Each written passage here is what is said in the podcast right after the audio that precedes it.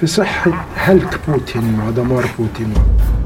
تقى أفريقيا. إنتوا تحت إيدي. أنا مسمي روسيا اسم قاتل الشوارع الانتهازي. كيف ترى أمريكا العالم؟ الولايات المتحدة تريد قتل اقتصاد الصين.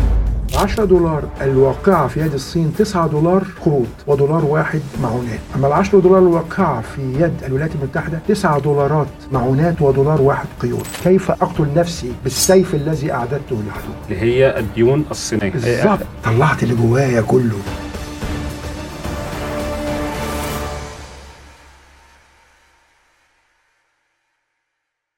إحنا النهارده في يوم 24 فبراير صحينا الصبح لقينا آه، روسيا دخلت أوكرانيا. آه، ومن ساعتها العالم اتغير. آه، أصبح يمكن دي أكبر أو أسوأ أزمة جيو سياسيه صحيح. بنشوفها في العالم أو في المنطقة الأوروبية منذ الحرب العالمية الثانية. حتى إحنا مش عارفين هل دي ممكن تكون شرارة لأزمة حرب عالمية جديدة ثالثه اللي بيحصل ده. إحنا بقالنا داخلين على السنة ونص تقريبا من ساعة الحرب. هل دي شرارة حرب عالميه ثالثه جديده آه، هل العالم من من هذه السنة بيبتدى يتغير؟ هل ممكن بنشوف عالم جديد؟ هل دي فعلا هل إحنا بنعيش حرب عالمية ثالثه وإحنا مش عارفين؟ كويس جدا. لابد اولا نتفهم آه، كيف أصفها حرب عالمية ثالثه لابد من توفر بعدين. على سبيل المثال الحرب الخليج الثانية تحالف ضد صدام حسين كانت حرب عالمية ثالثه لا لماذا؟ لأنه كان تحالف ضد دولة واحدة. الأمر الثاني كانت في رقعة إقليمية واحدة. الحرب العالمية توفر فيها بندين أن تكون تحالف ضد تحالف كامل عسكري كامل. زي المحور ضد وارسو أو ضد الناتو. ما كانش الناتو لسه موجود في الحرب العالمية الثانية. زي المحور ضد وارسو على سبيل المثال في الحرب العالمية الثانية. ألمانيا واليابان و... و... وإيطاليا ضد دول وارسو على سبيل المثال وكان طبعا أمريكا وبريطانيا موجودين وما أمريكا كانت بره بس بريطانيا. الموضوع الأساسي اللي بتكلم فيه بس أكثر رقعة إقليمية في أكثر من رقعة إقليمية. الحرب هي في الرقعة الإقليمية الشرق أوروبية وليست في أكثر من رقعة إقليمية. دي نقطة مهمة للغاية. حتى برغم إن إن روسيا 17 واحد من عشرة مليون كيلو متر مربع فحتى لو نشأت حرب بين الناتو وبين روسيا وأمريكا على الحدود الشرقية هي وكندا واليابان لروسيا على سبيل المثال ستكون حرب تقليدية وليست حرب عالمية. ده نقطة مهمة جدا. أما إذا أدرجنا الحروب السياسية والاقتصادية والسبرانية فالحرب العالمية موجودة من زمان لأن الصين شريك في ذلك. يعني روسيا ضربت بلجيكا أكثر من مرة بال cyber security. الصين فيه دايما ضرب الحرب. الإلكترونية الحرب الإلكترونية. الهجمات الإلكترونية واختراق. الأنظمة الحرب الاقتصادية الشعواء. وقت ترامب بين أمريكا والصين كانت عاملة إزاي وحاليا أنا كنت قلتها في أحد المرات أن الولايات المتحدة تريد أن تريد قتل اقتصاد الصين قتله تخيل آه، يعني فإذا الحرب العالمية ال- ال- المجمعة من كافة أفرعها سياسي اقتصادي عسكري آه، سبراني أمني دبلوماسي موجودة من زمان. أما الحرب العالمية العسكرية بمفهومها الحقيقي ليست موجودة وليست متوقعة على الأقل في المدى القريب والمتوسط. طب الحمد لله يعني إحنا إن شاء الله هن... يعني يعني عشان ال... هنعيش إن شاء الله ما نشوفش حرب عالمية لأن كلنا هنضر منها في الآية في النهاية يعني. آه طب كيف يفكر بوتين يا دكتور؟ يعني النهارده آه روسيا أكثر دولة في العالم ويمكن في التاريخ الحديث عليها عقوبات دولية. 13000 عقوبة تقريبا. آه آه عقوبات اقتصادية ويمكن ثلاث أرباع هذه العقوبات على أفراد والباقي على مؤسسات. آه، العقوبات الغرض منها إن تقلل إيرادات روسيا وتمكينها من الاستمرار في الحرب الدائرة. هل بوتين ما كانش يعرف؟ ما هو يعني من منذ أزمة جزيره القرم 2014 وما بعدها حصل آه، طلعت طلعت من ال G كانت في مجموعة الدول الصناعية الثمانية بعدين خلوها G 7 لما طلعوا روسيا منها. ومن بعدها روسيا أصبحت نوعا ما موجودة ولكن معزولة نوعا ما. آه، هل بوتين ما كانش عارف إن ممكن يفاجئ بكل هذه العقوبات؟ هل ك يعني هل هو مثلا آه، أخذ قرار غلط؟ هل هل يعني في بداية الأزمة أو قبل الأزمة لو حضرتك تتذكر يا دكتور قبل آه، 24 فبراير كانت هناك آه، تقارير آه، عسكرية بتقول آه، بتطلع من بريطانيا بتطلع من أمريكا بتقول والله إن هناك تحركات على الحدود الأوكرانية. ويتوقع أن يكون هناك دخول للقوات الروسية. طبعا ما كانش حد مركز حتى الأسواق ما كانتش مهتمة جدا بهذه بهذا الكلام. ما حدش ما حدش كان يتخيل أن روسيا هتعمل كده. وفي نفس الوقت ألمانيا أو أوروبا شريان الحياة فيها الغاز الروسي. فما كانش حد متخيل أن يتم قطع الغاز عن آه، أوروبا. آه، يعني بمعنى أصح آه، إن ألمانيا مثلا تعادي روسيا بشكل كبير جدا فكأنها بتضرب الرصاصة في رجلها أو على نفسها. بس كل هذه التوقعات بقت بالفشل وشفنا عالم جديد. بوتين دخل أوكرانيا وأوروبا واجهت بالمثل. الناس دي بتفكر إزاي؟ يعني بوتين كان بيفكر إزاي؟ خليني احكي لك قصة. آه كان لي صديق في أحد السفارات الآسيوية كنا بنتغدى سوا في مطعم ياباني بس هو الصديق مش ياباني يعني. وبنتكلم عن نورد ستريم 2 الكلام ده قبل الحرب في 2019 أو 2018 وقاعدين مطعم هادي وبعدين بنتكلم وبنقول اللي إحنا فاهمينه نورد ستريم 2 ده بيتعمل ليه؟ طب أنا مش فاهم أوروبا أنا وهو بنتناقش يعني. خد بالك أنا بقى شرق أوسطي أفريقي أو عربي أفريقي وهو آسيوي وبنتكلم عن أوروبا يعني. هو يعني أوروبا مش فاهمة إن كده بوتين بيسيطر عليهم بالغاز وعلى ألمانيا. وفوجئت في الترابيزة اللي جنبنا كان واحد قاعد بيسمع لنا ألماني وهو في مركز مسؤولية. قال خليني أقول لكم حاجة مهمة جدا إن من عمل ذلك هو مستشار المستشار الألماني السابق أعتقد شرودر وكان بوعد من بوتين إن هو يمشي له الموضوع في سبيل إنه يديله وظيفة هو فعلا مستشار دلوقتي لشركة جاز بروم كرشوة. تخيل أنا بقول لك عن واقعة حصلت. تمام؟ وصديقي هذا الان دبلوماسي موجود. هو كان خط نورد ستريم بس للناس اللي مش عارفاها هو آه، خط موازي للخط الموجود نورد ستريم 1 اللي هو خط غاز بيربط بيوصل الغاز من روسيا لألمانيا بشكله البسيط يعني. بالضبط كده آه. بالضبط كده فاهم فده أنا بدي لك مثال. شوف هو بيفكر من إمتى إزاي؟ وكان صديق خاص ليه طبقا للي حكاه هذا الرجل المسؤول يعني. ده امن الأكل مخصوص عشان يصلح لنا المعلومة ويقول لنا الحقيقة.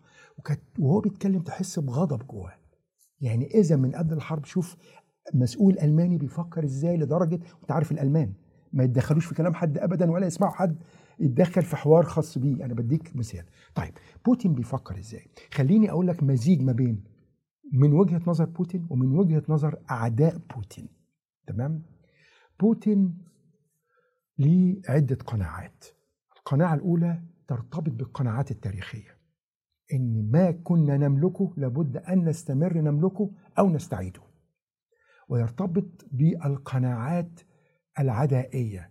بمعنى هو يرى دائما أن الغرب أعداء يستهدفون روسيا وهو مش كاذب في ذلك هو إحساسه وإحساس العديد من الروس الحقيقة لأن حسب ما قراءاتنا جميعا روسيا تعرضت لحروب في ده في العصور القديمة كمان من أيام القيصرية يعني سواء بالتبادل يهاجم أو يدافع يعني. آه، اهم قناعة عند بوتين إن بوتين ما هي ارتكازات القوة بالنسبة له؟ عندما تقيم أي شخص ابحث عن ارتكازات القوة الخاصة به خاصة رؤساء الدول. فتجد مثلا في بعض يقول لك الحزب الحاكم بتاعي ده ارتكاز قوة والجيش مثلا. في رئيس دولة آخر يقول لك الجيش والمرأة ستدعمني وتقويني. المرأة في المنطقة العربية معروفة بالذات في مصر مثلا هي اللي بتحافظ على الصقر وهي اللي تدفع أولادها اعملوا كذا وكذا. بوتين ارتكازات القوة تعتمد على أمرين اتساع الرقعة الأرضية وزيادة الموارد. من وجهة نظر الغرب أنه أغفل قيمة القوى البشرية. القوة من وجهة نظره اتساع الرقعة الأرضية وزيادة الموارد. ولذلك معلش دكتور بس نوضح دي. اتساع القرعه الرقعه الأرضية قصدك إن المساحة الهائلة لروسيا. بالظبط وتزيد. و آه، آه، وبرضه بوتين بيفكر إنه من مصدر قوته الموارد التي يمتلكها. بالظبط آه، أو, التي سيم أو التي يمكن أن يمتلكها. يعني الموارد اللي تمتلكها روسيا زي تمام. مثلا موضوع النفط وهي لاعب كبير أو من أكبر ثلاثة منتجين في العالم و... و... واليورانيوم والأسمدة والحبوب و و وما تملكه أوكرانيا وما تملكه جوريا وما تملكه بيلاروسيا وما تملكه كاف دول وسط آسيا وهكذا. هو دائما العودة للاتحاد السوفيتي لا والعودة للقيصرية الروسية وهو قاله في خطاباته. فإذا عندما تحرك للحرب كان أحد أساس أهم أسباب هي قناعاته. الأمر الثاني وهو من وجهة نظر الغرب أيضا شعوره ده كان ده, ده, ده السبب الأساسي الأول. اذا ولذلك ليه ينظر لمنتصف أوكرانيا وليس كل أوكرانيا. لأن غرب أوكرانيا مش غني معظمه مش غني بثروات مقارنة بدونباس على سبيل المثال. خرقيف قلعة صناعية. على سبيل.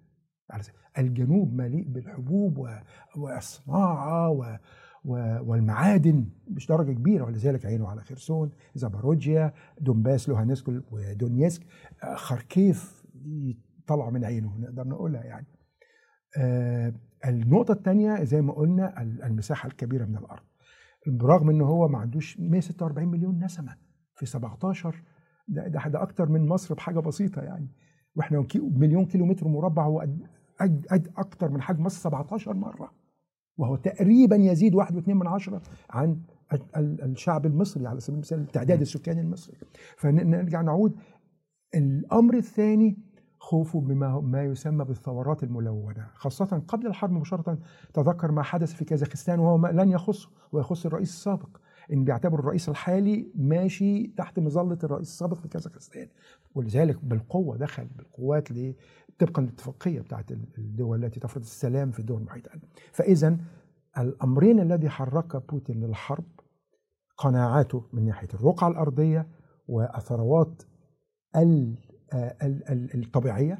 الأمر الثاني شعور أن نظامه الحاكم مهدد بسبب الثروات الثورات الملونة في من حوله خاصة في شائعات تمرد أيضا في بيلاروسيا وما إلى ذلك. الأمر الثاني هو يفكر بذكاء جدا في نظرته للعالم.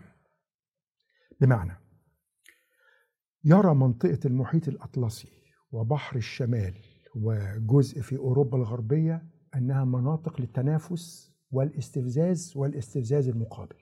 بمعنى أنا أتنافس مع أوروبا في الشمال تنافس عسكري على الهيمنة على بحر الشمال على سبيل المثال. الاستفزاز والاستفزاز المقابل في المحيط الأطلسي. يعني إيه استفزاز يعني إحنا مش فاهمين يعني الكلام ده أنا أعمل اتنفذ مناورات عسكرية جولات بالقوات البحرية أوقف مركب على حدود. أيرلندا آه. على سبيل المثال وإيرلندا دولة ليس ناتو تذكر ولذلك إيرلندا افتكرها ما أقولها لك ستطلب الدخول للناتو قريبا على سبيل المثال فأنا بقول لحضرتك كل ده بيسموه استفزاز والاستفزاز المقابل إن برضو أوروبا وأمريكا مش سايباه. تمام؟ يروحوا يفجروا في خط ملعبه. انابيب يروحوا يفجروا لا مش حكايه تفجير أنا ما أقدرش أجزم ولكن الاستفزاز بالتواجد القوات. يعني أنا لما أتواجد بقوات أمريكية في بولندا ما ده استفزاز. بناهيك على إنها ضمن الناتو وخطة الناتو وما إلى ذلك. وهو الاستفزاز والاستفزاز المقابل. النوع الثاني التنافس زي ما قلنا النوع الثالث وهو الفرص والنوع الرابع الإحلال. الفرص في منطقة الشرق الأوسط بالذات. يعني بوتين بيرى الفرص في أو أو بيرى العالم. آه، الشرق الأوسط هي منطقة فرص. منطقة فرص بالنسبة له. كيف؟ هرجع لك ليها. خلينا نتكلم الأول عن أفريقيا. إحلال.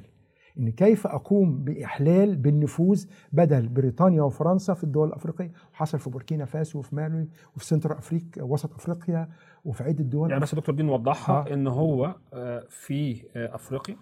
جزء من المحاور اللي بيرى فيها العالم آه، الاحلال إحلال النفوذ. إحلال النفوذ. يعني هناك مطرح بريطانيا وفرنسا بالذات. آه تمدد ده طبيعي تاريخي يعني. آه، بريطانيا وفرنسا موجودين زمان من أفريقيا فهو بيحاول يزيحهم بره القارة ويدخل هو بالنفوذ آه، ال- آه، الروسي. عشان يحولها لمنطقة فرص زي الشرق الأوسط. أنا خليت الفرص للآخر لأهميتها الشديدة. أنا مسمي روسيا اسم كل دولة مسميها اسم الحقيقة من وجهة نظري بلخصها في كلمة the opportunistic street fighter مقاتل الشوارع الانتهازي. إزاي؟ مش قصدي بيها سب على فكرة أو شكر لكن ده وصف. كيف؟ أنا قادر على التفاعل مع كافة حالات التي يمكن أن توجد عليها أي منطقة أو دولة. الاستقرار عدم الاستقرار الحرب اللا سلم ولا حرب قادر على التفاعل والتواجد وفرض النفوذ زي وجوده في سوريا على سبيل المثال. تمام؟ في دول أخرى غير قادرة زي الصين. الصين عادة دولة سلمية تتعامل بالقوى الناعمة أكثر من القوى الحادة في منطقتنا في منطقة الشرق الأوسط وفي أفريقيا. هنرجع لها تاني بس هي تمام. خلينا في بوتين على موضوع في بوتين الأوسط. هنا بقى. فبوتين بيحاول يخلق لنفسه فرص اللي بيها يكون بديل لشركائه أو أصدقائه في أنه يجعل لهم access من خلاله في تلك المناطق. النقطة الأولى. النقطة الثانية الاوبك بلس آه، آه، دولة زي المملكة العربية السعودية بتعتبر إن الاوبك بلس ضمن ثلاث أعمدة رئيسية ك pillars. ارتكازات قوة زي ما قلنا كل دولة ليها السعودية بتعتبر إن ليها ثلاث ارتكازات قوة رئيسية. من ضمنهم الاوبك بلس لتكون محور نفط عالمي. انها صاحبة اليد العليا مثلا في الاوبك بلس هذا من وجهة نظري على الأقل. كيف أستغل ذلك؟ ال opportunity كيف أستغل إن المنطقة العربية لا تميل بشكل كبير للأسلوب الغرب في التعامل على فرض قيمه. فأنا ما بتدخلش في شؤونك. أنا معك أنفذ كل طلباتك وأحقق ما تريد والمنفعة متبادلة. هي دي الفرص اللي ينظر ليها بوتين للمنطقة العربية. بالضبط. ده من ضمنها. ده فرص كتير. كيف أتواجد في منطقة وأدير التنافس بين الخصوم دون الصلح بينهم؟ دول أخرى لا تستطيع أن تفعل ذلك. بمعنى نرى في قمة سوتشي تجد مين يجتمع دائما؟ تركيا إسرائيل إيران ثلاث قوى الإقليمية الأساسية في منطقة الشرق الأوسط غير العربية. تمام؟ يدير التنافس بينهم ولا يصل إلى حد التحدي بشكل ذكي للغاية ويحقق لكل حد منهم طلبه أو مطالبه أو مصالحه خلينا نسميها المسمى السليم وفي نفس الوقت يحقق نفس المصلحة الأكبر فهي لذلك بيعتبرها مناطق الفرص لتحقيق مصالحي من خلال مصالح الخير أو من خلال عجز الغير على تحقيق مصالحه بالأساليب أو الوسائل التي يمتلكها. لما هو راجل قوي كده وتفكيره بهذا أو الناس اللي معاه أو هذه القناعات هل قناعات بوتين دي منطقية بالنسبة ما يحدث على الأرض.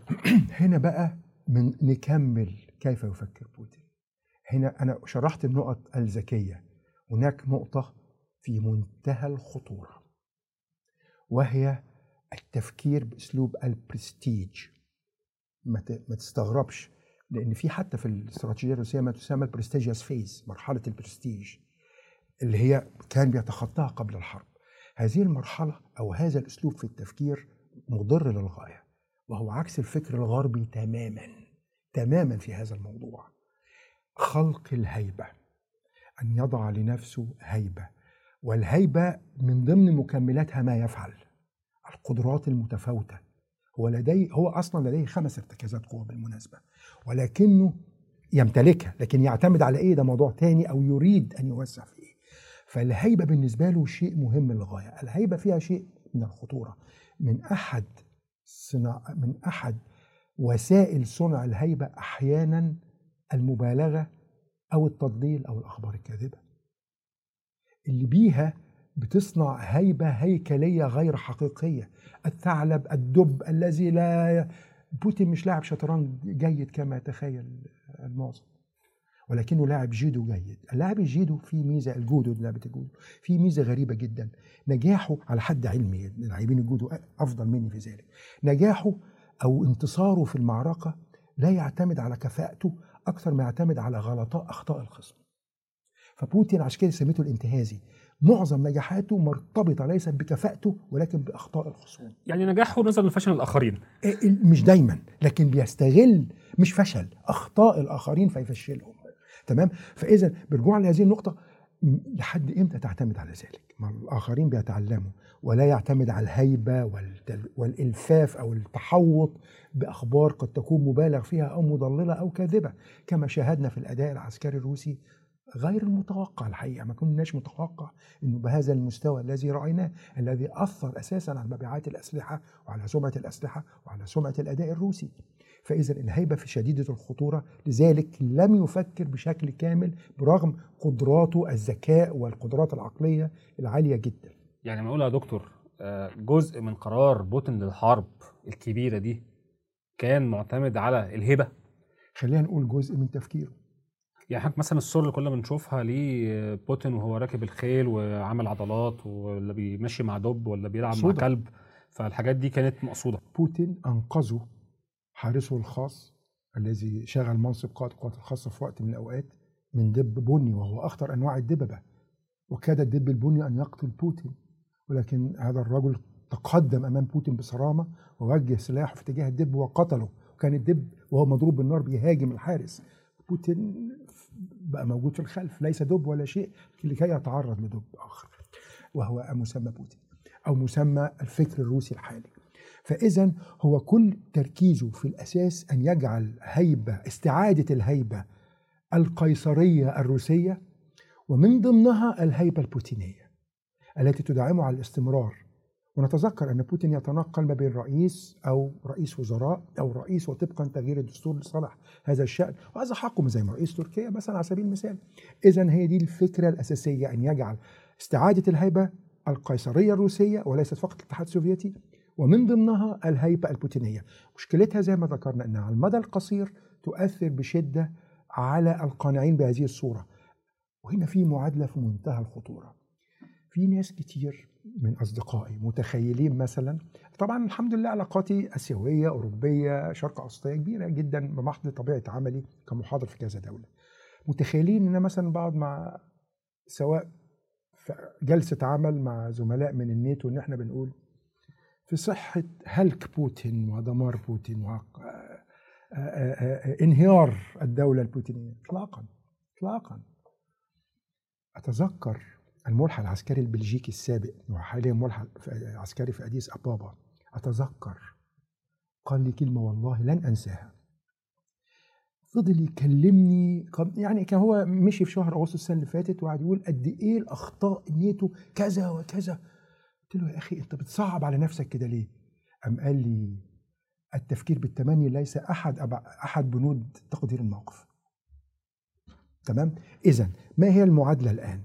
تجد معادلة شديدة الخطورة أن بوتين وروسيا والدول التي تنتمي لهذا التفكير والقانعين بهذا الأسلوب من الصور الذهنية في اتجاه أنا الأفضل وعدوي أو عدو بوتين هو الذي يستهان به هو الأضعف هو الذي ينهار. ونتخيل أن في المقابل الطرف الثاني يفكر بنفس الأسلوب اطلاقا. هو يقول فعلا بوتين قوي لابد ألا نستهين به.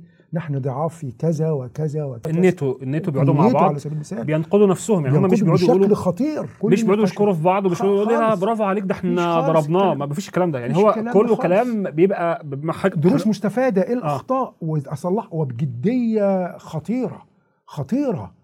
يعني أنا يعني هديك مثال. أه بعمل تقديرات أسبوعية عن الحرب الأوكرانية بمطلب من جهة اعلاميه معينة تعاقد بينا أه وأنا بعمل هذا المطلب فبراجعه كويس جدا أه مع المتخصصين سواء زملاء الباحثين المساعدين بيعدوا معايا. ومن ضمنهم ناس من الناتو سواء موجودين في الدولة أو خارج دولة الإمارات. تجد شراسة شديدة إذا كنت قلت نقطة لصالحهم وهي غير حقيقية. بالذات شراسة شديدة لرفضها لا هنا تم هزيمة أوكرانيا في كذا. حتى مش عايز أقول لك لو في حد أوكراني مثلا هيعمل كده. وهو فيه يعني مثلا. على طول شراسة شديدة لا أنا أخطأت في كذا. دي مش صح لسبب لأن كل همه هو إنه عايز يستفيد من هذا التقدير الذي أصيغه. يريد أن يستفيد منه مش فقط إنه بيراجع عليه عشان يصلح لي لا ده عشان يستفيد منه. هو أصلا لصنع قراره. لأن عايز الصح وأنا غلطان في إيه؟ ما الذي تم هنا؟ هدي حضرتك مثال بسيط. لم يأتي في بال أحد من المتخصصين العسكريين مثلا أثناء تحليل ما يسموه الهجمة المضادة أو هجوم الربيع وما ذلك الأوكراني أين تقاتل أوكرانيا الآن المنطقة الدفاعية تنقسم إلى منطقة دفاعية أمامية، منطقة دفاعية رئيسية، منطقة دفاعية خلفية. القتال الآن في المنطقة الدفاعية الأمامية وهي نطاق الأمن، يعني ليست في أسلوب الهجمة المضادة. هو شيء تاني خالص، وبيحدث فيه بعض الإجراءات بين القوات الأوكرانية والقوات الروسية. وقلت إن القوات الأوكرانية نجحت في كذا وكذا وكذا، وإذا بهجوم شديد. لا أنا فشلت في كذا. أو من نيتو لا لا ده فشل في كذا وكذا طب نصلح النقطة دي إزاي لأن إحنا مش عايزين نطاق الأمن يرتد لعمق الدفاعات للقوى المدفوع منها على سبيل المثال هم يفكرون بهذا الأسلوب يعني مش بيقعدوا يشكروا في نفسهم على عكس الجانب الشرقي. اللي هو إحنا إحنا انتصرنا. إحنا. إحنا أقوى ناس إحنا دمرناهم أو مثلا رجل الشارع وسواء حضرتك ذكرت يعني إن إحنا نبقى قاعدين إيه ده شوف الله الراجل ده عبقري. بوتين ده بص قدر يعمل التخطيط ال- ال- الهزيمة دي هي مش هزيمة دي دي إجراء تكتيكي إن هو دي بيخدع بيها. خلق المبررات بشكل دائم. وهذا لا يعني إن بوتين مش عبقري ولا يعني إن بوتين مش بيفكر. وعندي مثال لسه حاضر على سبيل المثال. آه، كان هناك على مستوى عالي جدا تفكير أو تقدير أن معظم دول أفريقيا أو زعماء دول أفريقيا هيحصل حاجتين الحاجة الأولى مش هيحضر يعني مستوى الحضور في قمة بيترسبرج في 27 و 28 يوليو بقيادة بوتين مستوى الحضور الأفريقي لن يكون بالعدد الكامل من دول أفريقيا ولا بالمستوى اللائق. الأمر الثاني إن في كان في احت- الكلام ده من شهر مايو أو يونيو احتمال إن بوتين ما يروحش قمة البريكس في شهر أغسطس آه، في جنوب أفريقيا في جنوب أفريقيا. لأن احتمال يتم توقيفه بمحض قرار المحكمة الدولية. آه، فبوتين فكر إزاي؟ من ضمن الأفكار اللي لجأ ليها في 13 يونيو اللي هي إلغاء اتفاقية الحبوب. من أكثر الدول المتضررة؟ قد ذكرناها أفريقيا المستوردة للحبوب بالظبط. أنا اللي منعت عنك وراح أخرج تصريح من لن تتضرر سوف أجد مخرج للدول الأفريقية. يعني لن تتأثر الدول الأفريقية بإلغاء اتفاقية الحبوب. وفي نفس الوقت عايزين اتفاقية الحبوب تستمر. أنا ليا مطلبين مطلب خاص باللي هو آه، خط ال- السم ال- الأسمدة اللي هو بيمتد لحد أوديسا. والأمر الثاني اللي هو خط رفع العقوبات أو القيود العينية الخاصة بنظام سويفت. رجوع اشراقنا وده نقطة ثانية لكن عايز أتكلم اذا شوف شوف بيلعب على إزاي. النقطة الأولى ليا مطلبين نفذهم لي. يعني فك عن الخناق فك عنك الخناق العالمي. الأمر الثاني بقى أفريقيا. أنتوا تحت إيدي. وأنا اللي ممكن أخنقكم في الغذاء في الغذاء. وممكن فإذا الفكرة التي قيلت على مستوى عالي للغاية أو توقعوا بدأت تظهر هو ذكي للغايه ويفكر بذكاء. ولكن لا يمكن مثلا موضوع بريجوجين تمرد بريجوجين فاجنر قوات فاجنر قائد قوات فاجنر ايفجيني بريجوجين الفكرة تصاغ الآن على إنه كان آه، مؤامرة واتفاق بيني لدرجة تخيل ليس من من من أروقة صنع القرار ولكن من أفراد بعض المسؤولين بعض بشكل شخصي صدقوا إنها مؤامرة. تخيل شوف التأثير. آه والله ده حقيقة. لكن هناك من يحاول أن يصيغها في شكل مؤامرة لأن بوتين يخطط فهو الذكي. دي اضعفت من موقفه بشدة. فإذا هناك حقيق حقيقي تخطيط ذكي وعبقري وهناك لا مشاكل كبيرة جدا لا لا, لا داعي أن نأخذها بهذا الشكل التقدير المبالغ فيه. ب- بمناسبة حضرتك اللي ذكرته إن بوتين ارتكز على كذا حاجة في قرار الحرب من ضمنها الثروات الطبيعية طبيعية. التي تمتلكها روسيا. من ضمن الحاجات اللي نذكرها مثلا آه صحيح إن روسيا هي اقتصادها صغير بالمقارنة بالولايات المتحدة الأمريكية. آه آه، يمكن أمريكا 24 مرة ضعف آه آه روسيا. صح آه والصين يمكن أكتر منها 14 مرة. آه صحيح. ولكن روسيا آه، مثلا آه، مش منتجة أو آه، إنتاجها من اليورانيوم في العالم حوالي 6% ولكن هي عندها شيء أهم بكتير من اليورانيوم نفسه. تخصيب اليورانيوم. آه، ال- ال- المعروف إن اليورانيوم في حالته الخام هو زي النفط في حالته الخام ليس له قيمة ولكن إمتى يبقى ليه قيمة؟ لما يتم تخصيبه. تخصيبه. روسيا بقى تمتلك تخصيب آه، أو لديها قدرات تخصيب حوالي نص قدرات التخصيب في العالم كله لدرجة إن لحد النهارده أمريكا رغم كل هذه العقوبات بتستورد منها اليورانيوم المخصب آه، أوروبا كمان بتعتمد على اليورانيوم المخصب اللي جاي من روسيا. فإذا روسيا برضو معاها مفاتيح حاجات استراتيجية إن المفاعلات النووية اللي شغالة بتنتج كهرباء في بعض الدول زي أمريكا وأوروبا بتستخدم يورانيوم مخصب في آه، روسيا. آه، ده من ضمن القوة اللي بتتمتع بها روسيا. كمان روسيا مش بس عندها اليورانيوم كمان ده عندها البلاديوم. ودي آه، وده معدن من المعادن آه، زي الذهب من المعادن الثمينة. بيدخل في صناعة السيارات تحديدا لتخفيض الانبعاثات. روسيا مثلا بتنتج حوالي 40% من هذا آه، المعدن فكل هذه الارتكازات اللي فكر فيها بوتين بناء على وبالتالي أخذ قرار آه، الحرب. طيب يا دكتور إحنا قلت لي إن بوتين شايف إن المنطقة هنا فرصة. صحيح. المنطقة العربية فرصة. آه، وبيستغل أخطاء الخصم وبياخد من خلالها آه، فرص. طيب كيف ترى أمريكا العالم؟ مم، كويس. آه، في استراتيجية أمريكية دي أعتقد من الثلاثينات أتذكر 34 لما اكن مخطئ اتكلم عنها جون مارشايمر المنظر السياسي الاعلامي الكبير يعني الأمريكي اسمها offshore balancing التوازن فيما وراء البحار أمريكا ذكية جدا الحقيقة بصراحة يعني آه، وذكائها هنا في إنها دايما بترى الأمور عالميا وإن كانت من زاوية ولكن زاويتها متسعة للغاية. في أنواع للسياسات في العالم ممارسه السياسات ايديولوجيات أو عقائد منها مثلا الانعزاليه والمفروض أمريكا واليابان تنتهجهم لأنهم دول بعيدة أو الصين مثلا لكن صعب على دول كبيرة فاعلة أو متفاعلة مع الدول ان تنتهج هذه. ومنهم ما تسمى بال liberal intervention أو التدخلية الليبرالية إن هو يتدخل بالقوة لفرض قيمه على سبيل المثال ودي كانت بتتم زي ما تم في أفغانستان والعراق. وبريطانيا انتهجتها بشكل كبير طبعا. آه، فرنسا جاك شيراك كان بيرفضها شوية. وفي سياسة ثالثه اسمها الدولية أو الأممية ودي بدل القوة في فرض ارائي أو طرحها الثقافة. زي ما أوباما جه في جامعة القاهرة وقال السلام عليكم واختار جامعة القاهرة في وسط الجامعات العربية عشان يتكلم كأول خطاب ليه في دولة عربية. ثم في الواقعية. من ضمن الواقع ال realism من ضمن الواقعية ال offshore balancing ال offshore balancing بترى العالم كيف؟ مثلث. قاعدتين المثلث هم أهم قلعتين صناعة في العالم. موجودين فين؟ في أوروبا وفي شرق آسيا وليست آسيا شرق آسيا وليست جنوب شرق آسيا. يعني في أوروبا أوروبا. كل أوروبا تقريبا مصنعة مع اختلاف الصناعات من أول غرب روسيا كده وأوكرانيا لحد شمال وجنوب وشرق وغرب اوروبا كل أوروبا. وإن كان القطاع الصناعي قل بعد الحرب العالمية الثانية هناك وأصبح القطاعات الخدمية هي أكبر ولكن آه، لا تزال تصنع. إنما لا موجود. لا لا الصناعة النو هاو عالي جدا صحيح. في اوروبا. آه القلعة الثانية اللي هي المربع اللي موجود في الصين واليابان خليني أقول الكوريتين مش كوريا الجنوبية بس وخليني اسمح لي أقول تايوان مع غض النظر عن الاعتبارات السياسية في هذا الموضوع. فاذا ده منطقة مهمة جدا. طيب قال لك الآتي خليني أقول لك في يعني أطلق مسمى liberal hegemony أو الهيمنة التحررية على على الفكرة دي.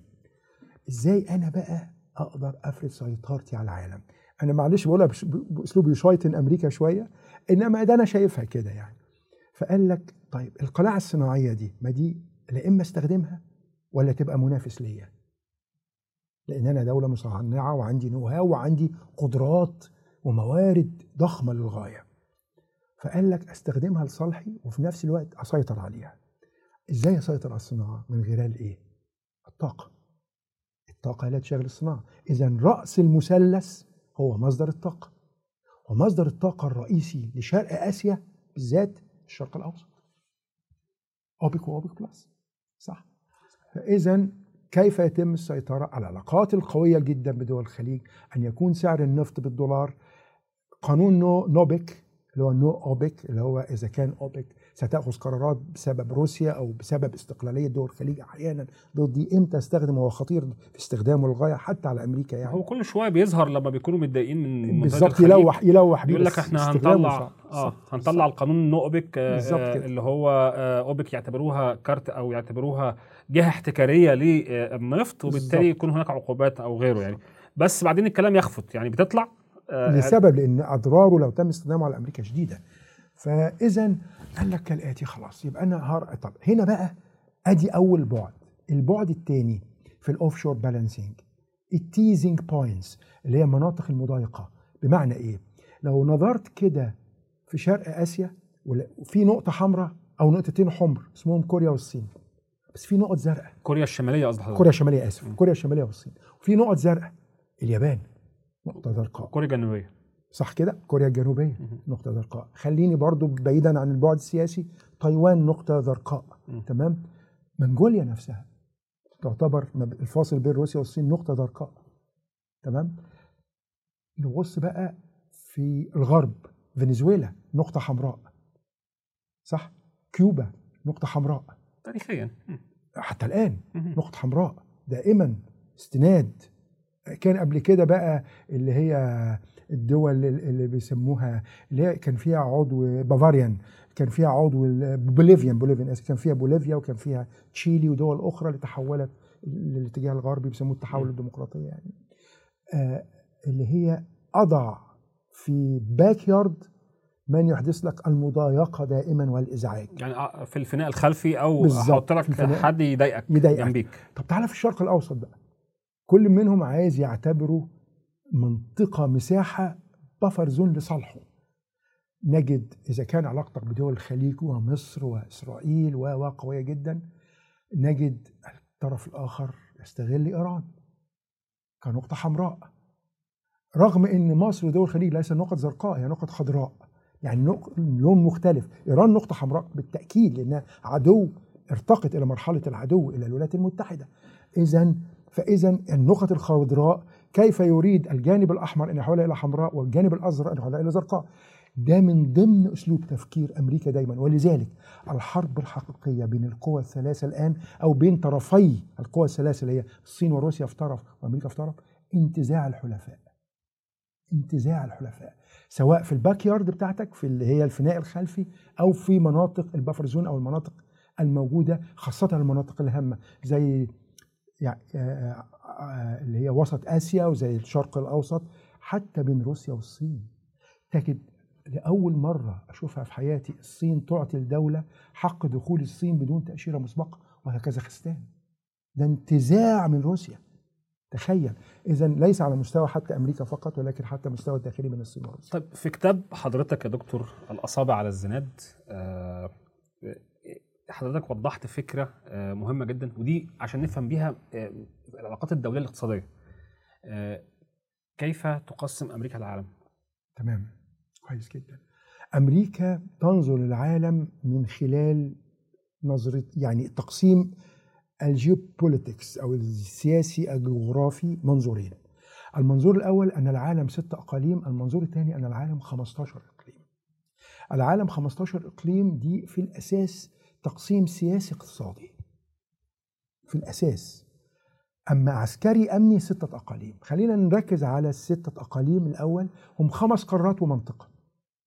اللي هي الأمريكتين شمالا وجنوبا أوروبا آسيا أفريقيا والشرق الأوسط. ولذلك تجد في ال- القوات المسلحة الأمريكية لديهم القيادة المركزية أو الوسطى الأمريكية مختصة بالشرق الأوسط.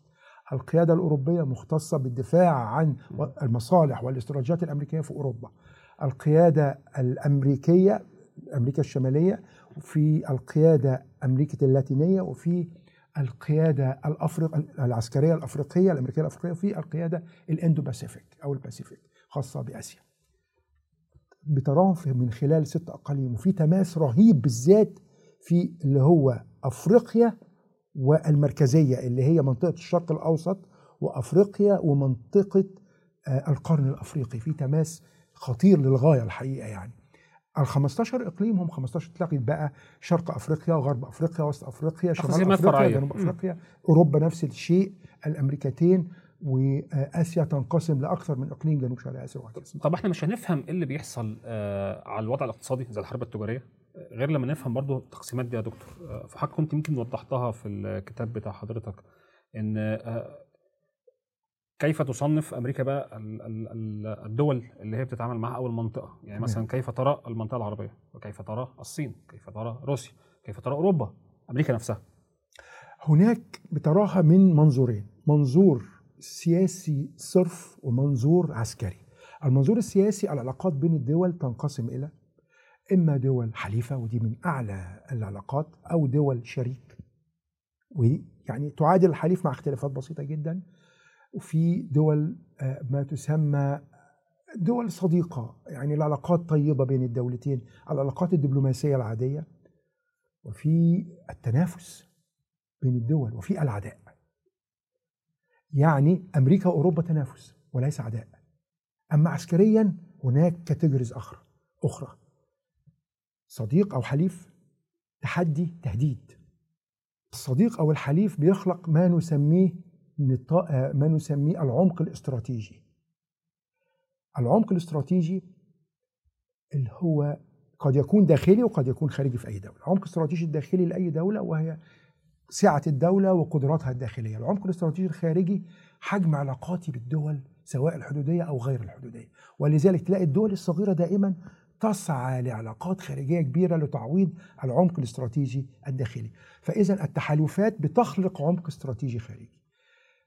وهنا بيكون التحالفات العسكرية زي الناتو أكبر تحالف عسكري وأقوى في العالم. تمام؟ مهمة للغاية. وينبع منه دول حوار متوسطي اللي هي سبع دول من ضمنهم مصر وسوريا وإلى آخره.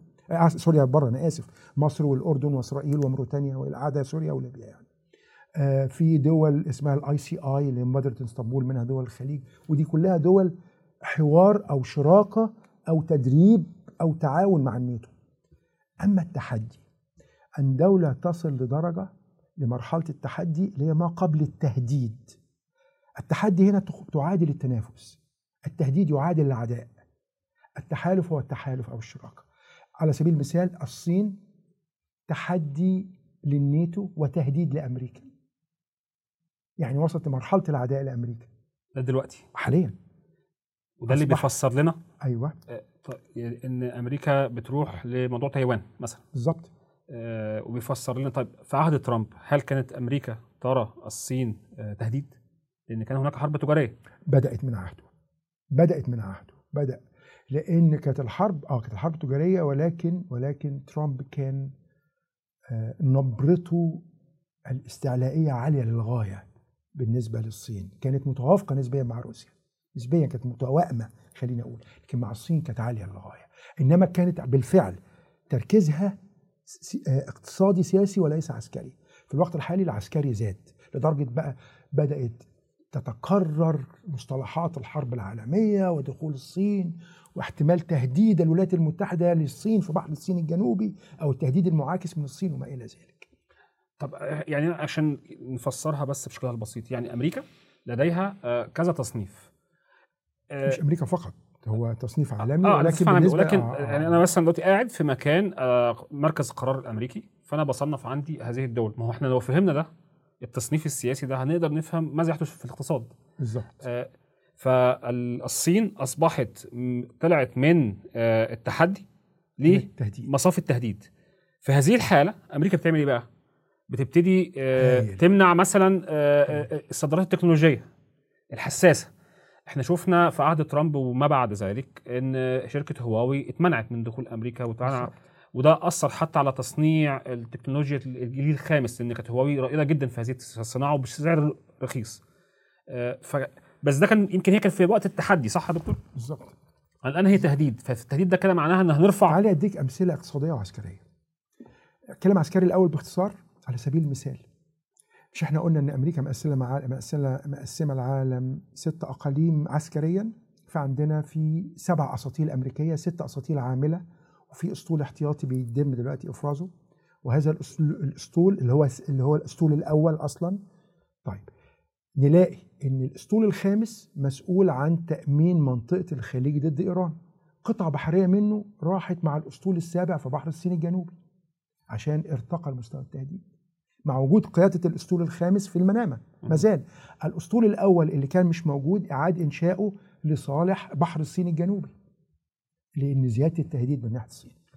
اقتصاديا في مصطلح أنشأناه أنا وبعض الباحثين سميناه Chexit زي بريكزيت خروج الصين من الاقتصاد العالمي. إزاي؟ إن بدأ أنت لو مريت على السفارة الصينية على سبيل المثال تلاقي حاجة ممتازة قوي عربيات اللي راكنة بره معظمها BMW أو فولفو لأنهم اشتروا كالة بي ام دبليو وفولفو فدي بتبقى عربيات رخيصة جدا بالنسبة لهم. أنا متخيل ده توقعي. تمام؟ في أي دولة مش بتكلم هنا بالذات في أي دولة تلاقي عربيات الدبلوماسية معظمها BMW وفولفو لسبب بسيط جدا إنها خلاص اشترت حق اختراعها في الصين. نفس نفس الحكاية. قال لك لا بقى إحنا هنبتدي نحد من توسع الصين اقتصاديا بالتشيكزيت إحنا سميناها أنا ومجموعة باحثين تشيكزيت فدي دي في منتهى ده من ضمن التهديد. بس ما زالت. الصين بالنسبة الاتحاد الأوروبي شيء وبالنسبة للناتو شيء. هو نفس الشيء. منافس تحدي. ما زالت بالنسبة للناتو. الصين ما كانتش تحدي في الأول. بالنسبة للناتو. اصبحت تحدي عسكريا ولكنها مستمرة كمنافس لأوروبا. بس كانت منافس إيه؟ اقتصادي؟ والتداخل الاقتصادي اقلل من وطأة هذا التنافس لكن رجعت تزيد تاني بعد كوفيد 19 بالذات وما حدث في أوروبا. الأمر الثاني إن كان في تنافس وده كائن مستمر ولن ينتهي ايديولوجي هو القيم الغربية ضد القيم الاشتراكية الصينيه مختلفة مختلفة مش عكس بعض لكن في اختلاف في وجهة النظر. فرجوعا لموضوعنا إن إن ارتفاع ارتقاء إلى درجة التحدي انعكست على الاقتصاد. قصدك تهديد أنا بتكلم بالنسبة للناتو واوروبا آه. بالنسبة لأمريكا أنا زي ما قلت لك أمريكا تهدف لقتل الاقتصاد الصيني لأنه أصبح تهديد جزء من التهديد الذي يهدد القيادة والهيمنة الأمريكية للنظام العالمي. بدأت تنظر إلى ذلك. برغم إن في حاجات كتير جدا تمنع تعدديه القطبية لعشرات السنين للأمام مستقبلا إلا إن أمريكا بتحوط نفسها فبدأت تتعامل كتهديد اقتصادي سياسي عسكري وأمني وأيديولوجي. بس يا دكتور يعني ما هو ده صعب جدا إن آه، آه، الصين مرتبطة بأمريكا وامريكا مرتبطة بالصين. صحيح. آه، أمريكا بتصنع كل حاجاتها في الصين. الصين هي أكبر شريك تجاري لأمريكا. مفيش حاجة بتتصنع في أمريكا غير لما تكون جاية من الصين. فهذا فك هذا الارتباط اللي حاول ترامب يزعزعه في أول ما جه آه، ليس له بديل. يعني النهارده لو آه، كان في بعض الأبحاث بتقول إيه آه، في وقت ترامب طلعت البحث ده على آيفون قال لك والله تليفون الآيفون بيتصنع في الصين بيتكلف 300 دولار. ولكن لو اتصنع في أمريكا هيتكلف 1200 دولار. شايف الفرق؟ طيب مش بس كده كمان. كان آه، رئيس شركة أبل آه، تيم كوك كان بيتكلم في أحد اللقاءات وبيقول آه، إيه الفرق بين أمريكا والصين؟ آه، وليه الصين مهمة بالنسبة للصناعة بشكل عام؟ بيقول والله أنا لو رحت وقفت في ملعب كرة قدم في أمريكا وطلبت مهندسين تقنية مهندسين تكنولوجيا هيطلع لي خمسة ستة. في الصين ممكن أملأ لك ملعبين كرة قدم للمهندسين. هنا قصده بشكلها البسيط البنية التحتية للصناعة. أمريكا ما عندهاش البنيه التحتيه دي. حتى أنا فاكر مرة كان بيل جيتس اتكلم عن الموضوع ده. بيل جيتس مؤسس مايكروسوفت اتكلم عن الموضوع ده من كام سنة. قال والله إن أمريكا عشان تقدر تعوض البنية التحتية اللي موجودة عند الصين الصناعية محتاجين على الأقل 25 سنة إن هي تكون موجودة وتبقى التكلفة عالية. إحنا بنتكلم على سوستة بنطلون أو بنتكلم على إبرة. لو عايز تصنع إبرة في أمريكا ما بتعرفش تصنعها أنت ما عندكش البنية التحتية وما عندكش الصنايعي أو العامل اللي يعرف يعملها. ده صحيح. موجودة في الصين. فارتباط الصين مع أمريكا قوي جدا يا دكتور. وهو طبعا ارتباط آه، يعني يبدو إن جه بالحظ أو آه، نقول لا، بالحظ تفكير. بتفكير آه. قديم آه، إن الصين قدرت تتوغل هذا التوغل وتبقى هي مصنع بس أمريكا. أيدت نفسها بيه لأن هحكي لك حاجة لطيفة خالص. في مرة من المرات قاعد مع شخص ذو مكانة كبيرة جدا يعني وحبيبي جدا وكان أعتقد في بداية كوفيد 19 وبعدين بيقول لي شفت سعيد الخبر ده؟ قلت له خير يا فندم. قال لي خلاص الصين خدت قرار إنها من أخبار الفيك نيوز يعني اللي هي الأخبار الزائفة خدت قرار إنها تبيع آه، أو تتعامل باليوان وليس بالدولار. فقلت له يا فندم أنا مش شاطر في الاقتصاد ولكن ليا صديق صيني مسؤول عن هذا الموضوع آه، يعني في مكان ما وأنا ممكن أسأله. وقمت فاتح ال loud speaker وبعدين فرد أنا لن أنسى. بقول له الموضوع كذا كذا. حتى قال لي مين الغبي اللي قال لك كده؟ لن أنساها يعني. وهو طبعا مش كلام حد ده قلت له ده على ال social media فراح قال لي كلمة لن أنساها. ده المسؤول الصيني. المسؤول الصيني. قال لي كيف أقتل عدوي أقتل نفسي بالس- بالسيف الذي أعددته لعدوي؟ اللفظ أنا لن أنسى. كنا بنتحدث ب- عادة في صينيين كتير بيتكلموا باللغة العربية الحقيقة وده فضلا منهم ولكن كان يحدثني باللغة الإنجليزية وهذا الرجل الكريم كان يجلس معي وضحك. يعني ضحك إن إيه أنا ما فاتتش أنا مش عارف فعلا ما كنتش يعني فعلا قلت نشوف وده مختص هو مختص بهذا الملف كيف أقتل نفسي بالسيف الذي أعددته العدو. اللي هو آه، اللي هو سندات ال- ال- الخزانة. الأمريكية التي الأمريكية تمتلكها الصين. هيحولها ليوان. ما بقاش. مطبع أنا يوان. أو طبعا أنا ما أقدرش أتكلم بهذا الشكل اقتصاديا مش فاهمه قوي إنما كان معنى كلامه كده. لدرجة إن حصلت حاجة قريب جدا في سعر النفط باليوان. آه وكلمته قلت له شفت فاكر؟ قال لي استنى هرجع لك. وتاني يوم ده حقيقة حصلت. تاني يوم قال لي لا لا لا هناك محاولات ولكننا نصر لا. إن يخلي اليوان عملة دولية. بالظبط في هذا الشراء. آه، يعني أنا يعني عايز أقول لحضرتك بتبقى آه، ده يمكن مؤيد. أنا بزيدك من الشعر بيت لما تفضلت بيه؟ حجم التداخل. آه، شي جين بينج سيد شي جين بينج اللي هو رئيس الصين لقى ثلاث تحديات عاملين له مشكلة أول ما مسك. هو مسك في 2013 أفتكر أو 2012 بس في 2017 أصدر حاجة اسمها اللي هي الوايت بيبر في الوايت بيبر في البيبر في البلو بيبرز أو ال blue pages فال white papers كتب فيها في فبراير 2017 حتى كانت محاضرتي في تايوان إن في ثلاث تحديات ساقلب سأحولهم لفرص. كان التحدي الأول اللي هي انفراد بالعولمة انفراد ال- اللي هو القطب الواحد اللي هو unipolar القطب الواحد الهيمنة. اللي هو أمريكا اللي هو أمريكا. فده تحدي الأمر الثاني وهو فرض اللي هو اللا ديمقراطية الدولية. اللا يعني أنت ديمقراطي في بلدك بس لا ديمقراطي مع الدول الأخرى اللا ديمقراطية الدولية. الحاجة الثالثه العولمة. بالفعل. بدأ ينادي والعالم بالكامل أن لابد هناك تكون ديمقراطية دولية ألا نتدخل في شؤون الدول الأخرى. الأمر الثاني محاولة تعدد القطبية. الأمر الثالث العولمة. استغل العولمة اقتصاديا والتيك توك آه، وهذا الكلام الجميل حضرتك تفهمه أكتر مني. زي ما قلت لك محاولات الشيكزيت اللي عكست دخول الصين الكبير في العولمة الاقتصادية. وده كان مستمر فيه ما كانش بيبدأ من جديد. فهو نجح جدا. لو بصينا على الشق الاقتصادي إذا الحرب حاليا من أجل قطب واحد ما زالت. الأمر الثاني خروج الصين من العولمة الاقتصادية.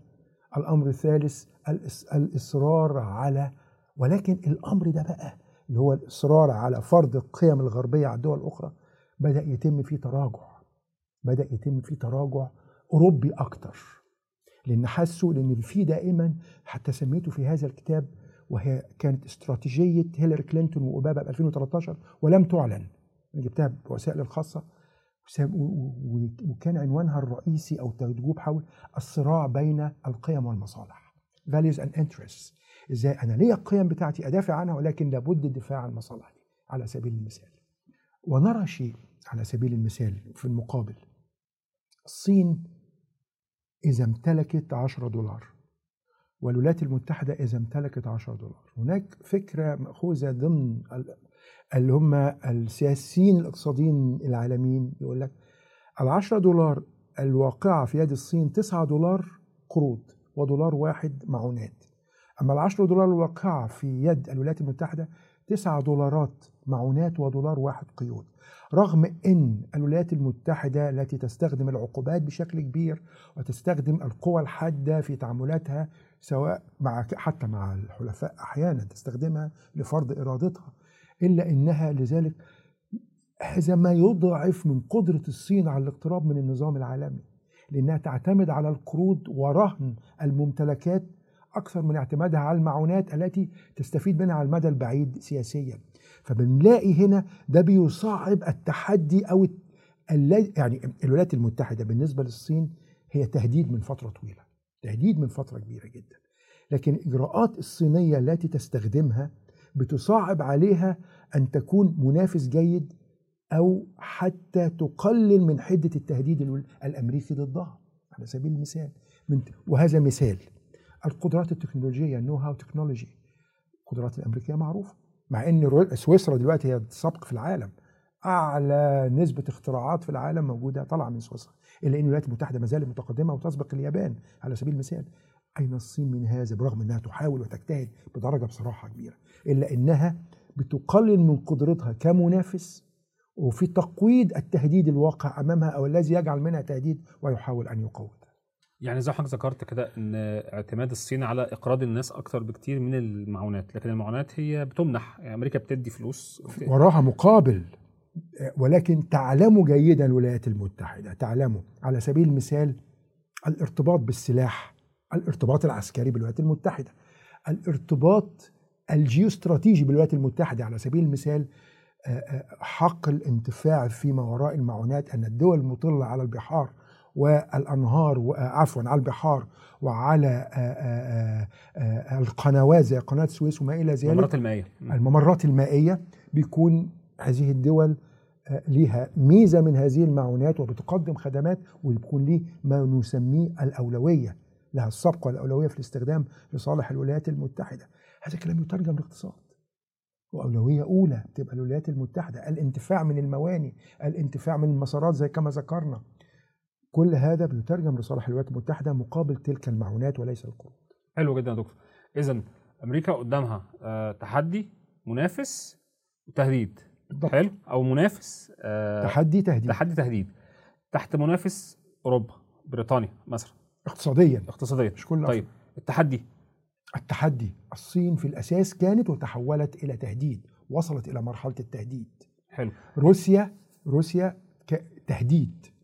وصلت إلى مرحلة التهديد وهو العداء إيران تهديد أما الت- التحدي بشكله بقت يعني على سبيل المثال دولة زي بيلاروسيا ليس لها كيان هام أمام الولايات المتحدة وليس لها الاعتبار الأهم. ولكن في حالة اقتراب الولايات المتحدة على سبيل المثال اقتصاديا في دول شرق أوروبا ستكون بيلاروسيا تحدي وليس تهديد. لانها ما فيش عداء مباشر رغم تحالف بعيدا عن الحرب الأوكرانية على سبيل المثال. فاذا أمريكا بدأت تتحول إلى الأبيض والأسود أكثر مش كلرفول دلوقتي. يعني لا إما بقت تهديد أكثر أو حليف أو صديق أكثر أو شريك على سبيل المثال. طيب كيف ترى أمريكا منطقتنا العربية الخليج؟ كويس جدا. السؤال ده مهم قوي قوي عشان هوضحه لك من زاوية خطيرة وهي بتفرض أولوية التحدي والتهديد الأولويات. وهنا يختلف أمريكا كدولة تحت مظلة أو تحت العالم الأمريكي أو تحت عالم الناتو. فنجد أن أسبقية التهديد الأولى لأمريكا تحت علم الناتو روسيا. وتحت العلم الأمريكي أسبقية التهديد الأولى الصين. والدليل إن برغم الحرب الروسية الأوكرانية واحتمالات التدخل ولو كانت ضعيفة بين الناتو التي أمريكا أهم عضو فيه وروسيا لم يتم سحب قطع بحرية من الأسطول السابع لتنضم على الأسطول السادس المعني بالقتال. هو الخامس كمان يمكن ضد الناتو حالة ضد روسيا حالة تشعب الحرب بين الجانبين. تمام؟ اذا فالشرق الأوسط هنا نقطة مهمة جدا في هذا الموضوع. التهديد رقم كان رقم واحد قبل كوفيد 19 كان بالنسبة لأمريكا كان إيران. تخيل. بس يا دكتور ما هم كانوا عاملين اتفاقية آه،. معاهم في وقت أوباما في 2015 على ما اتذكر النوويه ده مش أمريكا ده يعني كان هناك 5 بلس 1 آه. اللي هم الأعضاء في الأمم المتحدة فضلا عن منظمات دولية فضلا وروسيا داخلة والصين داخلة هذا موضوع ولكنها تهديد. كان في كلمة قالها لي أحد العسكريين الأوروبيين كلمة لطيفة خالص. قال لي لما تلاقي في الخليج ثلاث حاملات طائرات يبقى هنضرب إيران. يبقى أمريكا هتضرب إيران. أمريكا هتضرب إيران. حاملتين طائرات حاملتين طائرات يبقى في تهديد من إيران. حاملة طائرات واحدة يبقى الأمور مستقرة لا تجد شيء يبقى لا خوف من إيران الآن. حسبها بقى في كام حاملة طائرات دلوقتي. فرجوعا إيران الاتفاقية النووية ده اتفاق سياسي أمني أما التهديد ده عسكري أمني في الأساس. السياسي موجود كله تحت المظلة السياسية في النهاية حتى الاقتصاد رغم أن الاقتصاد هو قاطره السياسات. إلا إن أمريكا لها دايما الأولويات ل- لماذا؟ لماذا؟ مش أنا فاكر لما قلت لحضرتك إيران كرة حمراء في منطقة خضراء تريد الولايات المتحدة أن تحولها إلى الأزرق وتريد الصين وروسيا تحولها للاحمر فاذا المنطقة الحمراء كانت في فترة تهديد خطير على المنطقة الخضراء أو على القوى الخضراء فكانت لازم تواجد أمريكا. لماذا؟ عدو أمريكا ثلاث أشياء عكس ما يكتب لدينا تماما عدو الاستراتيجية الأمريكية. ثلاث تهديدات. وهي تهديدات ضد النظام العالمي الذي يمنى بالأنظمة الإقليمية في ال 15 إقليم أو الست أقاليم. التهديد الأول الحروب البينيه بين الدول الإقليمية وتفوق أحد الجانبين بشكل كبير. نجد أثناء حرب الخليج الأولى العراق وإيران كان صدام رئيس العراق أمريكا وقفت جنب العراق في النهاية لأنه كان على وشك الهزيمة. في حرب الخليج الثانية عندما قام نفس الشخص صدام بغزو الكويت أمريكا والتحالف وقفوا ضده. أكثر شيء قتل الاستراتيجية أو ضرب الاستراتيجية الأمريكية في مقتل هو ترامب بإلغاء الاتفاقيه النوويه لماذا؟ التوازن. لما لو تنظر كده في أي ورقة صادرة من وزارة الخارجية الأمريكية إنها توافق على تصدير سلاح لدولة معينة لابد من وجود سطرين. السطر الأول ألا يتعارض مع الأمن القومي الأمريكي. السطر الثاني وهو الأهم ألا يخز يخل بالتوازن العسكري الإقليمي. اذا العدو الشديد لأمريكا عدم التوازن بين القوى الإقليمية لأن بيخلي في قوى إقليمية هي المهيمنة اقليميا اللي ممكن ما تكونش تحت العالم الأمريكي مما يخل بالنظام الإقليمي فيخل بالنظام العسكري وبمصالحها داخل هذه المنطقة. طبعا واستراتيجيتها الأساسية. الشيء الثاني الحرب الأهلية داخل الدول. أنا ماليش دعوه بقى الشرق الأوسط الكبير لاقتطاع وأضعافه. ده كلام فارغ. ليس له أي صلة بالعلم ولا الحقيقة. ده كلام جميل بيصاغ اعلاميا. مشكلة. من يصيغ آه على القهوة. للأسف اعلاميا بيصاغ بشكل غريب وهو بعيد عن الواقع لأن إحنا دايما بندور مين حلو ومين وحش مين شيطان ومين ملاك وليس تقييم الواقع علميا وواقعيا ومنطقيا وموضوعيا. يبقى البند الثاني الحروب الأهلية اللي تسمى low intensity conflict بالبريطاني بالأمريكي بيسموها no peace no war ده ضد الاستراتيجية الأمريكية تماما. الشيء الثالث وده طبعا أي حد يسمعه يضحك يقول لك ده بيقول إيه؟ ال non-state actor اللي هو القوى الفاعلة غير الدولية التي ليست تحت علم دولة اللي هي الإرهاب أو الميليشيات المسلحة. دي قاتلة بالنسبة لاستراتيجيه الولايات المتحدة الأمريكية. هتهيمن عليها إزاي؟ يقول لك فاكر في أفغانستان لما دعموا الطالبان وحولوا للق ده سجال كله يتعلم من أخطائه في وقت معين والآن الموضوع ليس كذلك بالمرة لأنها قاتلة للاستراتيجية الأمريكية. لما اذا بينظروا دايما المنطقة لابد إن الثلاث تهديدات ما يكونوش موجودين. حروب أهلية؟ الحروب الأهلية الحروب البينية بين الدول مع تفوق احد الدول بشكل كبير وال non-state actor الجيل الرابع من الحروب افاجئ يقول لك إن أمريكا عاملاه عشان تحارب بيه دولنا. آه، الحروب الأهلية مبنية على ال asymmetric war أو الحرب غير المتماثلة. يعني أنا دولة قوية فال non-state actor بيحاربني بالحرب الجيل الرابع. معلش بس non-state actor اللي هي الميليشيات أو الميليشيات أو القوى المنظمات القوى الإرهابية. غير الدولية آه. فبيحاربني بيها لأنه ضعيف. أنا مش ضعيف أنا بديك معونة هقطعها. أو هنزل عليك عقوبات أو هضربك ببساطة شديدة يعني. هي فتوانة هي بلطجة عادي يعني. فمش محتاجها إن أنا أستخدمها ضدك هي بتستخدم ضدي. لدرجة فيديوهات بتطلع والفيديو عكس المكتوب تماما. لو شفت المقطع حضرتك أستاذ بقى في هذا الموضوع وزملائك إن المقطع الكبير غير الكلمة المجتزأة أنت ممكن تاخد مني كلمتين تدين كل اللي أنا بقوله. صحيح. وهي في وسط الكلام. فنفس الفكرة. لا ارجع بقى للفيديو كامل ارجع للتسجيل الأصلي. ستجد إن الموضوع مترابط بفكرة معينة. فإذا الولايات المتحدة العدو اللدود وعلى فكرة هو عدو مشترك ودي بتدي أحد ارتكازات القوة والارتكاز السادس الروسي وهو إيه بقى؟ الإرهاب أو ال non-state actor روسيا تكرهه الصين تكرهه. فاتفاق العالم عليه إدى قوة لروسيا عندما تتواجد في مكان تتواجد زي ما قالت أنا رايحة روسيا. أنا رايحه عشان أحارب داعش اللي أمريكا بتساعده ده طبعا كان فيك نيوز إنما الفكرة إن أنا ده سبب وجودي وهو فعلا قصدك في سوريا في سوريا مهم. على سبيل المثال كروسيا لما استخدمت وهكذا فهو عنصر عامل مشترك أكبر بين كل الدول وهو التهديد الثالث وهو الإرهاب أو الميليشيا المسلحه طيب الصين بقى كيف ترانا هنا؟ كيف آه. ترى التحالفات دي كلها؟ كيف ترى أمريكا؟ كيف ترى أوروبا؟ وكيف ترى المنطقة بتاعتنا؟ هايل من وجهة نظري من وجهة نظر الصين. من آه أوكي. من وجهة نظر الصين. الصين دولة حقيقي دولة مسالمة. على- يعني واضح في منطقتنا. يعني لا تريد استخدام القوى العسكرية. تركز بشدة على الآلة الاقتصادية والآلة الدبلوماسية. الصين ليست كروسيا. فاكر لما قلت لك إن. بوتين وروسيا يدير التنافس بين الأعداء أو بين الخصوم؟ الصين لا. ولذلك تلجأ للحوار. ليه نخلي ليه ليه يكون إيران ودول الخليج أعداء؟ رجعوا العلاقات. اللي أنا سميته إسماعيلي أكورد زي ابراهام أكورد.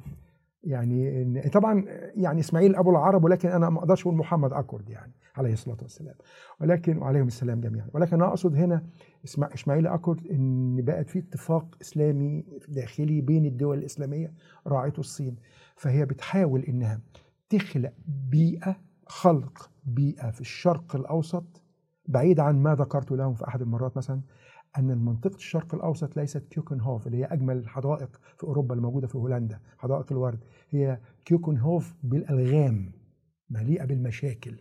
هل أنتم قادرين على إذا لابد أن أخلع هذه الألغام وأخلق الصداقة والترابط بين الدول ولو بشكل حتى مؤقت. فإذا هي ترى المنطقة أنها منطقة مشتعلة لابد من عودة التلاقي أكثر من التنافر بين القوى الفاعلة بالذات. ادي الأمر الأول. الأمر الثاني الصين ليها هدفين استراتيجيين في المنطقة.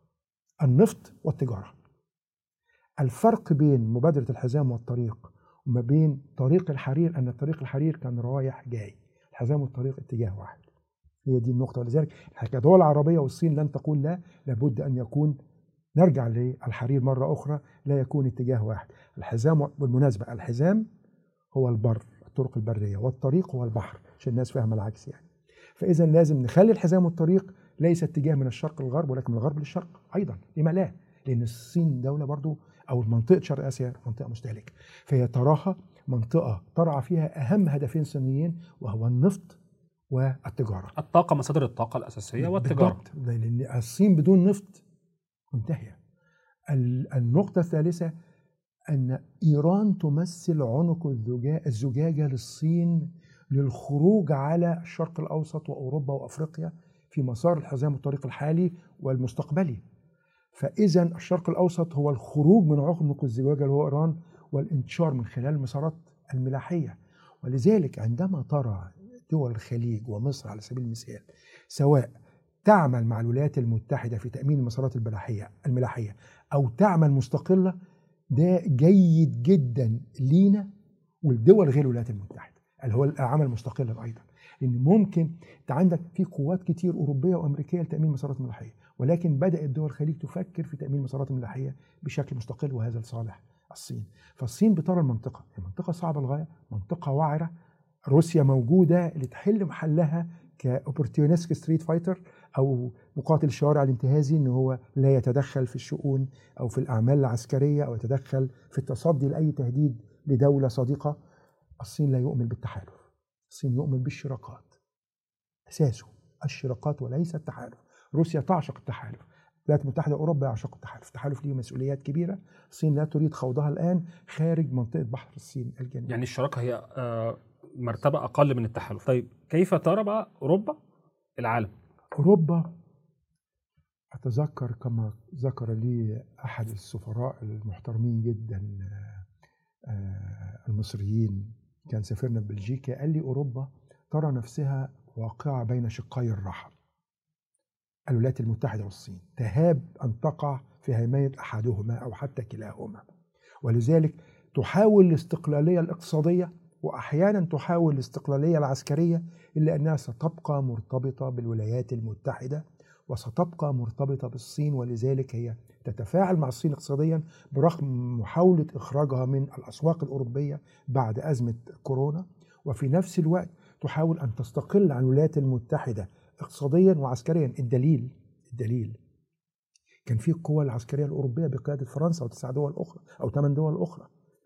ودي اتوجدت في منطقة الشرق الأوسط بالمناسبة والقوة دي كانت المفروض تبقى عوض للناتو ولولا قرار بوتين بالهجوم على أوكرانيا الذي كان له الفضل الكبير على الولايات المتحدة وعلى الناتو إن يتجمع مرة أخرى وإن حتى تعلن فرنسا إن القوى الأوروبية هي قوة داعمة أساسا للناتو وهي منبثقة من الناتو لصالح فإذا أوروبا بتنظر للعالم أولا بتنظر لكتلتين الصين والولايات المتحدة ألا تقع في براثن التنافس بينهما.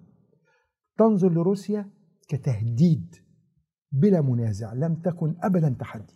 روسيا هي عدو أوروبا الأول خاصة من بعد سقوط الاتحاد السوفيتي في سنة 1991 بتنظر للشرق الأوسط نظرة فرص الحقيقة وبتعتبر أولا فيها المسارات الملاحية كما ذكرنا فيها مصادر النفط لبعض الدول الأوروبية كما قلنا معظم الدول الأوروبية تعتمد على مصادر أوروبية على الولايات المتحدة.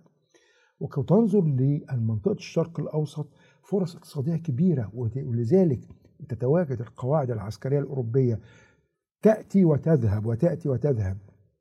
الحماية ضد القرصنة والحماية المسارات الملاحية لصالح ما هو قادم من أسيا لأوروبا والعكس. فهي نظرة تعتبر نظرة براجماتية بحتة ولا استغناء عن المنطقة الأوروبية.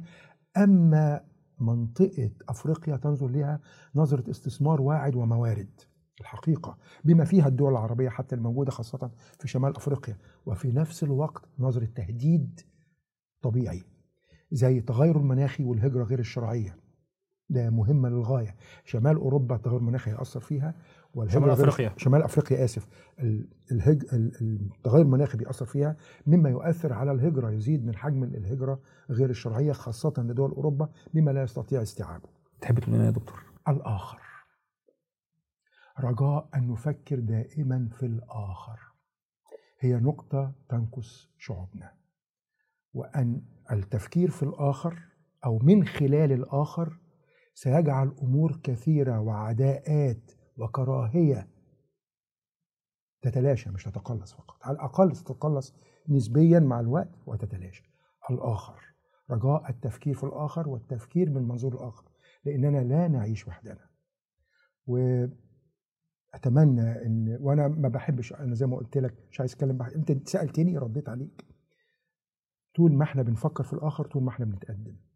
وأعتقد إن أي دولة بتفكر في الآخر هتكون سريعة للغاية ودول كتير مش هتعرف تلحقها شكرا يا دكتور. الله يخليك حبيبي أنا انبسطت والله. طلعت اللي جوايا كله. كنا سعيد باللقاء معك شكرا يا دكتور. يعني كانت. مقابلة جميلة جدا واستفدنا منها كتير. بكل التوضيحات اللي قلتها لنا عن عننا وعن المنطقة.